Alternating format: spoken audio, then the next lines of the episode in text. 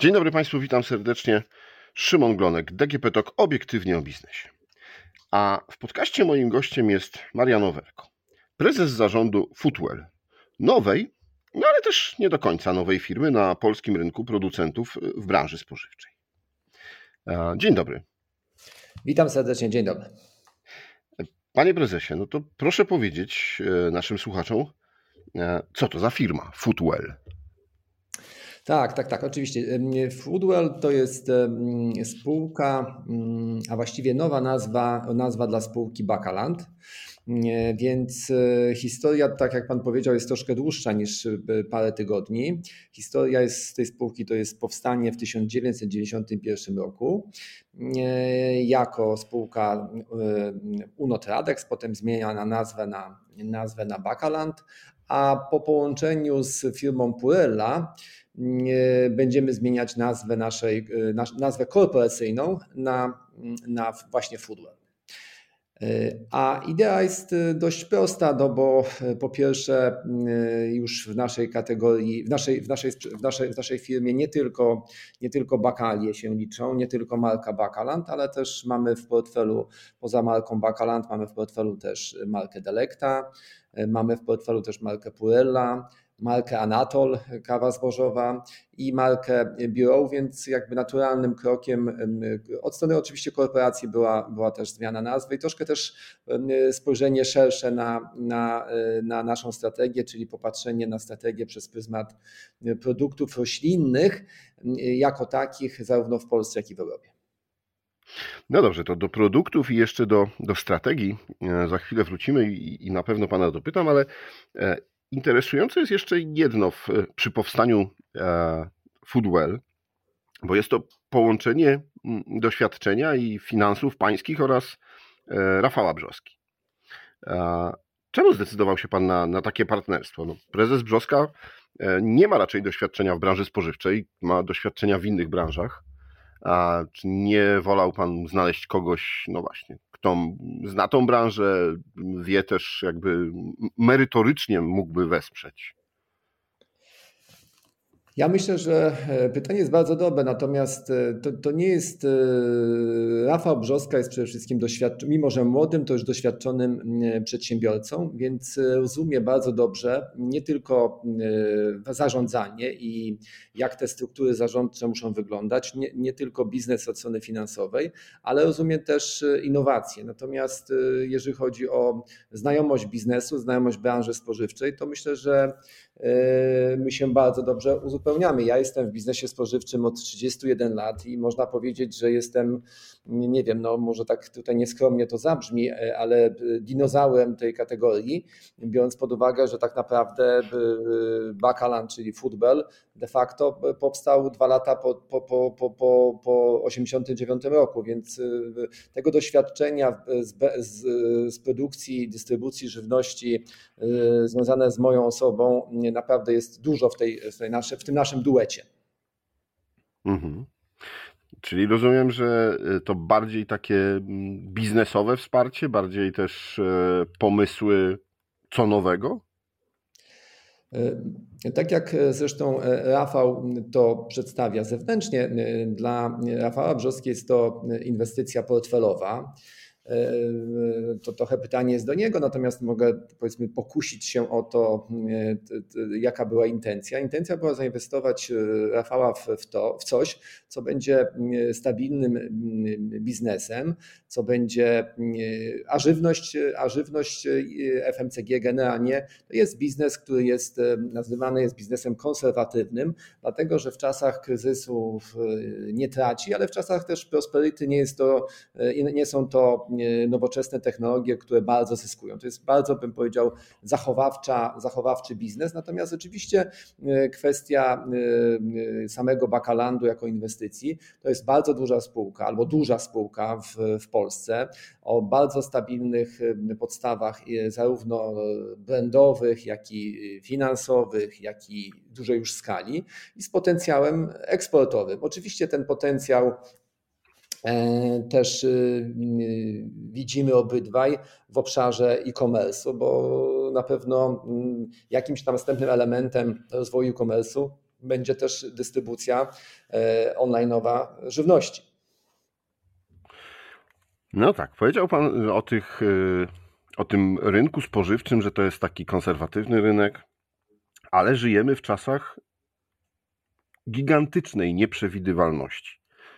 Po pierwsze, COVID, wojna za naszą granicą, to, co się dzieje na rynkach finansowych i gospodarczych na całym świecie, mm, no, myślę, że wielu inwestorom, wielu przedsiębiorcom e, nie ułatwia życia, delikatnie mówiąc. No, a Państwo przyjęliście strategię rozwoju na 10 lat. Powiedziałbym odważnie. Myślę, że e, ciężko to nazwać odwagą. To jest przyjęcie strategii. Jeżeli jesteśmy w biznesie, jak, jak powiedziałem wcześniej, konserwatywnym, to mm, daje nam to prawo, e, nie tylko naszej spółce, ale każdemu, który jest w branży spożywczej, żeby jednak mimo wszystko planować to w jakimś, z jakimś tam powiedzmy okresem, gdzie niektóre strategie zaczną działać. Jeżeli byśmy teraz powiedzieli sobie, e, zbudujemy e, brand w ciągu roku, to nikt by nie uwierzył. Jeżeli powiemy, wprowadzimy kategorię jakąś nową, nowatorską e, i to zaplanowaliśmy na dwa lata, to też nie jest to wiarygodne. Nie, nie, wiele działań, które, które przyjmujemy, to są, to są działania i projektów nawet, nad którymi w tej chwili pracujemy, to są projekty kilkuletnie. Rozwój eksportu to jest projekt na, na, na 5 lat. To nie jest tak, że po prostu nagle w ciągu jednych targów znajdziemy 10 klientów, klientów nawiążemy z nimi współpracę i już powiemy, OK, to mamy pół biznesu w eksporcie. Tak się, to, tak się nie dzieje w tym biznesie. E, może w innym, może w nowych technologiach, może w czymś, co jest e, totalną innowacją, e, ale to też nie do końca. Nawet popatrzmy na biznes Rafała Brzoski, który jest innowacyjny, ale spółka Impos istnieje już chyba ponad 20 lat. To, jest, niektóre innowacje też muszą dojrzeć, a już mówiąc o biznesie konserwatywnym, jakim jest żywność, to, to jest ciężka, żmudna, codzienna, operacyjna praca, która po prostu, którą po prostu wykonuje się przez wiele lat, żeby osiągnąć sukces. No tak, ale też w informacjach e, dotyczących spółki pojawiła się taka data, że do 2026 roku e, miliard obrotu, z czego jedna trzecia z e-commerce i eksportu. Czyli jakby takie krótkofalowe, ambitne plany są. Tak, podzieliliśmy ten period dziesięcioletni na dwa okresy. Pierwszy okres to jest do 2026 i drugi następne 5 lat. Oczywiście to nie jest też tak, że to są, to są nowe plany, to są plany rozwoju, rozwoju obszarów, w których już jesteśmy, już działamy. To są plany, proszę pamiętać, też dwóch spółek, bo jakieś plany swoje miała spółka Purella, jakieś plany swoje miała spółka Bakaland. Więc e, staramy się to oczywiście e, skwantyfikować, staramy się to doprecyzować i staramy się to też podzielić na, na konkretne e, obszary dystrybucji, na konkretnych nawet menadżerów, na konkretne KPI, na konkretne po prostu roczne czy też dłuższe cele do zrealizowania. Do tego też trzeba zainwestować w, w fabryki, zainwestować w Salesforce, zainwestować w działy zakupów, działy RD, więc to wszystko jest jakby złożoną materią. Natomiast prawda jest taka, że rzeczywiście dwa obszary zaznaczyliśmy jako te, które będą dla nas e, kluczowe, które w tej chwili są no, nieduże i które uważamy, w których uważamy, że jest potencjał. I jest to, jak Pan e, słusznie zaznaczył, dział, dział e-commerce i dział eksportu. Mm, w eksporcie w tej chwili mm, mamy około tam powiedzmy 10-11% naszego biznesu. Chcemy, żeby ten eksport wzrósł mm, szybciej niż reszta, niż reszta naszych, naszych obszarów dystrybucyjnych.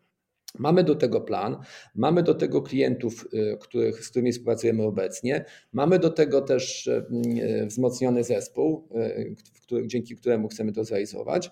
Mamy też narzędzia. Jeżeli chodzi o e-commerce, tutaj na pewno będziemy się i wspieramy się taką, bym powiedział, rynkową analizą naszego, mojego wspólnika. Natomiast jako Bakaland od, od wielu lat prowadzimy online'owy, online'ową hurtownię e-Bakaland, gdzie sklepy się zaopatrują. Chcemy tą, tą platformę wzmocnić. W przypadku Purelli jest to purella.pl, czyli z tego sklepu dostarczamy już do wielu krajów, nie tylko w, nie tylko w Europie, ale też na świecie, produkty w obszarze B2C, czyli do klienta finalnego, więc ten obszar też będziemy wzmocniać. Natomiast jeżeli chodzi o, jeżeli chodzi o e, cyfrę miliard, to nie jest coś, co powiedzmy jest e, super ekstra ambitne. E, oczywiście ten miliard powstał przed jakąkolwiek, jakąkolwiek większą wiedzą na temat inflacji, natomiast w tej chwili w tej chwili jako, jako, jako Bakalan czy już Foodwell realizujemy około 600, w tym roku będzie około 650 milionów złotych przychodów, więc e, ten cel jest ambitny, ale też nie, nie, nie, nie, nierealny. No ale to mm, obrót, jak dobrze wiemy, to jedno. A co z zyskiem? Czy jakieś założenia były przyjmowane? Może pan uchylić rąbka tajemnicy, bo o tym głośno chyba nie mówicie. Nie, nie mówimy, bo to też jest jakby dla nas, jak, jak to się mówi, jak nie jesteśmy spółką notowaną na żadnym rynku y, giełdowym, to też y, specjalnie nie chcemy o tym, y, o tym mówić. Natomiast mogę tylko powiedzieć, że absolutnie zakładamy, że spółka będzie rentowna, co jest oczywiste. I bez znaczenia na czas, czy, czy, czy COVID, czy, czy, czy, czy obecna sytuacja, też staramy się, żeby spółka była rentowna, bo inna, inna sytuacja w ogóle nie wchodzi w grę. Mhm.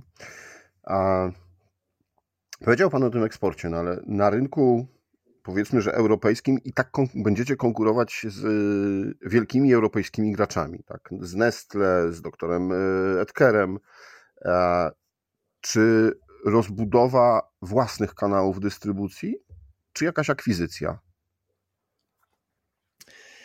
Y, tak, będziemy konkurować. Ja powiem więcej, co jest też y, oczywistą oczywistością. W Polsce mm, tak naprawdę y, w kategorii koncentratów spożywczych, dokładnie Pan to powiedział, liderem jest dr Edker. Będziemy się starali gonić tę, tą niemiecką firmę.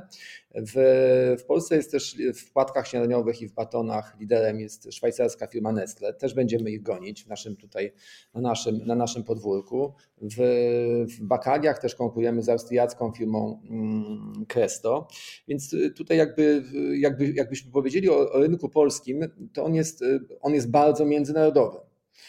Więc y, nie jest nam obce mm, konkurowanie z tymi podmiotami w, w, kategoriach, w których jesteśmy. To samo będziemy się starali robić y, za granicą. Tam oczywiście mamy y, mniejszy, mniejszy potencjał, potencjał brandowy, ale z kolei też y, y, większe możliwości, jeżeli chodzi o generowanie przychodu i zysku, bo jednak opieramy to wszystko o koszty naszych fabryk w Polsce. Natomiast jeżeli chodzi o akwizycję, myślimy dosyć intensywnie na temat rynków skandynawskich. To, jest, to są rynki, które są bardzo wysoko marżowe z wielu powodów. E, I tutaj, e, tutaj jak, jak jest jakiś ciekawy podmiot, to go, to go oglądamy. Natomiast nie jesteśmy zaangażowani w żadne rozmowy, więc e, tylko taki sygnał, że tak powiem, wszyscy jakby obecni na rynku wiedzą, że, że mamy taką, taką, taką strategię, taki, taki obszar. Że footwell się przygląda. Tak, że footwell się przy, przygląda, dokładnie. No dobrze. E, wspomniał Pan o fabrykach. E, teraz w firmie są trzy fabryki, tak? E, czy jakieś dodatkowe inwestycje w nie są wymagane? Czy one są na tyle nowoczesne i na tyle będą wystarczały, żeby no, zrealizować te plany, o których rozmawialiśmy? Fabryki w zasadzie są nowoczesne i doinwestowane. Powiedzmy, że taki obszar, który będziemy mm, chcieli zrealizować, to na pewno mm, unowocześnienie fabryki we Wrocławku. To, są, to jest fabryka, e, gdzie produkujemy produkty e, z marką Delecta.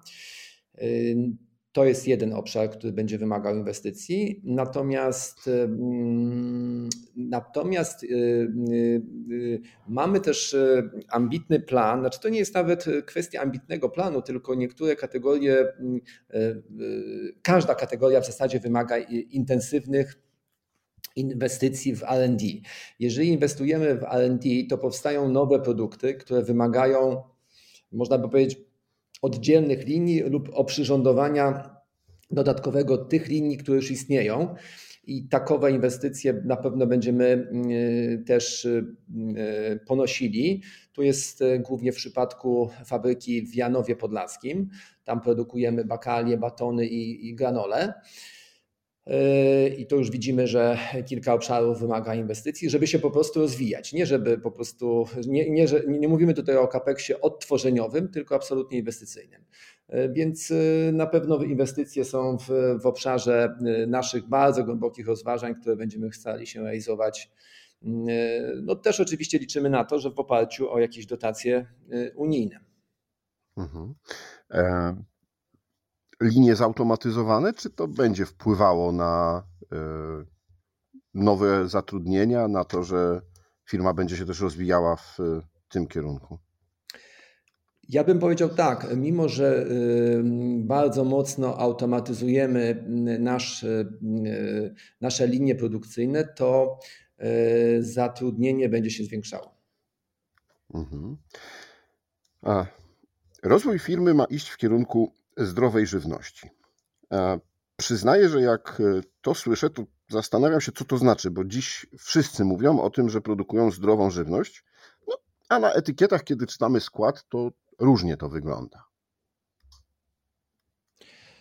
Tak, no to jest taki troszkę, troszkę to jest do, bardzo dobre pytanie i na, na to pytanie nie ma niestety jednoznacznej odpowiedzi, bo e, przypominają mi się badania, gdzie mm, zapytaliśmy e, na fokus grupie, na wielu fokus grupach, bo na tym to polega, co pan, pani rozumie przez zdrową żywność. I odpowiedzi były bardzo różne, bo jeden przez zdrową żywność rozumie żywność ekologiczną, inny, że tam z dodatkiem magnezu, jeszcze inny, że to jest produkt roślinny, a pamiętam, jak na grupie ktoś powiedział, e, no ja to zdrowa żywność, dla mnie to jest taki kotlet, e, która mama zrobi z ziemniaków, które sama tam powiedzmy w ogródku e, uprawia. I też, i też ten ankietowany miał rację, więc to jest trochę szerokie pojęcie. Natomiast, natomiast co my przez to rozumiemy? Oczywiście od początku istnienia spółki zaczynaliśmy, ten, zaczynaliśmy od biznesu e, bakaliowego i trudno, żeby po prostu w jakikolwiek sposób ktokolwiek mógł cokolwiek powiedzieć e, złego na temat całej kategorii bakaliowej, bakaliowej bo to są naturalne owoce z drzewa, z ziemi, z krzaków. I to jest nasza największa kategoria w tej chwili jeszcze, natomiast e, to też e, ta kategoria buduje nam mm, jakby postrzeganie, właściwe postrzeganie u klientów, bo my te bakalie dodajemy do batonów, my batony e, produkujemy z, z, z zboża i z bakali, więc siłą rzeczy my już jakby bardzo mocno jesteśmy w, w biznesie zdrowym, prozdrowotnym. Oczywiście dodajemy do tego też funkcje, ale funkcje nie dodajemy na zasadzie jakiegoś, jakiegoś jakiegoś chemicznego składnika, tylko dodajemy tę funkcję na bazie tego, że je po prostu wyodrębniamy. Jeżeli morela za, za, zawiera dużo potasu, to my piszemy, że na opakowaniu, że ten produkt zawiera dużo potasu, ale dlatego, że, że, że, że ten produkt finalnie, ten, ten, ten, ten owoc, właśnie tę zwiększoną ilość potasu y, zawiera. Oczywiście do, do, dochodzi do nas y, y, cała, cały obszar pureli, który, który jest dokładnie tak samo jakby od strony koru y, zbudowany, czyli korem jest, są superfoody, czy to są y, owoce, orzechy w, w konsystencji albo naturalnej, albo zmielonej, których, które przez europejską jednostkę certyfikującą zostały zakwalifikowane do superfoodów i których zawartość poszczególnych mm, substancji, substancji przepraszam, funkcji e, czy witamin jest e, zdecydowanie wyższa niż innych produktów i one siłą rzeczy też oddziałują na, na to, jak pokazujemy baton z superfoodem, czy jak pokazujemy mix superfoodów, czy jak pokazujemy nie wiem, zioła z superfoodami, czy w końcu batony z superfoodami. Więc, więc, więc już teraz nasze kategorie są, mm, są kategoriami prozdrowotnymi Natomiast oczywiście y, gdzieś tam y, szukamy y, w naszej strukturze też nowych rozwiązań. Mówimy tutaj oczywiście i nie tylko mówimy, bo będziemy już w tym roku mieli nasze produkty na półce o zamiennikach mięsa.